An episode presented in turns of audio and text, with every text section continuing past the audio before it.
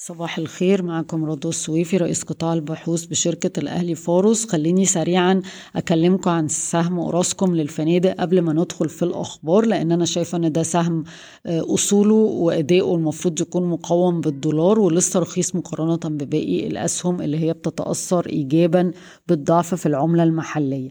أولا الشركة أوراسكوم للفنادق عندها مبيعات قوية يعتبر برضو مستفيدة من الردة اللي حصلت في قطاع السياحة مؤخرا عندها مزيد من مزيج من الإيرادات المتنوعة سواء العقارات الفنادق إدارة المدن وده بيديها دخل متكرر. عندها محفظة أراضي كبيرة جدا 25 مليون متر مربع. عندها أفضل جدول أقصر جدول أقساط وأعلى سعر بيع للمتر ما بين آه معظم الشركات اللي بنغطيها وده جاي من خلال آه المحفظة بتاعتها في للمبيعات في الجونة. طيب الشركة هتعمل نتائج ممتازة جدا في عام 2022 ومؤشراتها كلها يعني يمكن ارتفعت جدا في آخر سنتين مقارنة باللي شفناه قبل كده من حيث الربحية. السهم طبعا أحد المستفيدين الرئيسيين من الضعف في قيمة الجنيه لأن أرض الجونة مقاومة بالدولار. حاليا سعر السهم يعتبر مقيم أرض الجونة على 11 ونص دولار للمتر وده طبعا رقم قليل جدا مقارنة بالمبيعات اللي شفناها حصلت في الجونة اللي هي كانت سعر المتر فيها من 120 ل 325 375 دولار لكل متر يعني تقريبا 10 مرات القيمة اللي موجودة في السوق حاليا. زائد إن في مفاوضات بشأن الغرامة مع البيئة واحتمال تتحل إن شاء الله. ده ممكن يبقى برضو حافز لأداء السهم. بفكركم إن القيمه العادله بتاعتنا 15 جنيه 30 يعني السهم هنا ممكن يتضاعف من السعر الحالي والسهم بيتم تداوله عند مضاعف من عشرة مرة وإي في تو من عشرة مرة. خلونا ندخل على الأخبار. تم تخليص واردات من المواني المصرية قيمتها تزيد عن واحد ونص مليار دولار بين 18 و 23 يناير.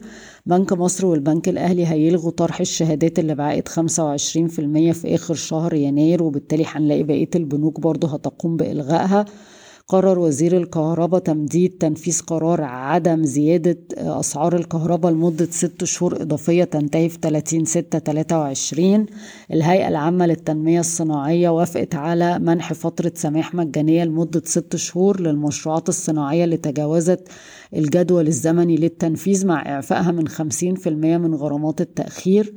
كشف الصندوق السيادي عن قيام سبع اتحادات أجنبية وخليجية بفحص سبع, فنادق مملوكة للدولة بهدف زيادة رأس مالها والاستحواذ على حصة 30% أموك طلعت مؤشرات جيدة جدا للربع الثاني من عام 22 23 بأرباح 605 مليون جنيه مصري في الربع الثاني بارتفاع 240% على أساس سنوي و52% مقارنة بالربع اللي فات والأداء طبعا كان مدعوم بأسعار النفط وفي نفس الوقت الانخفاض اللي حصل في قيمة الجنيه على الرغم من إن أحجام المبيعات كانت أقل من العادي بسبب الخضوع لصيانة مجدولة 20 يوم.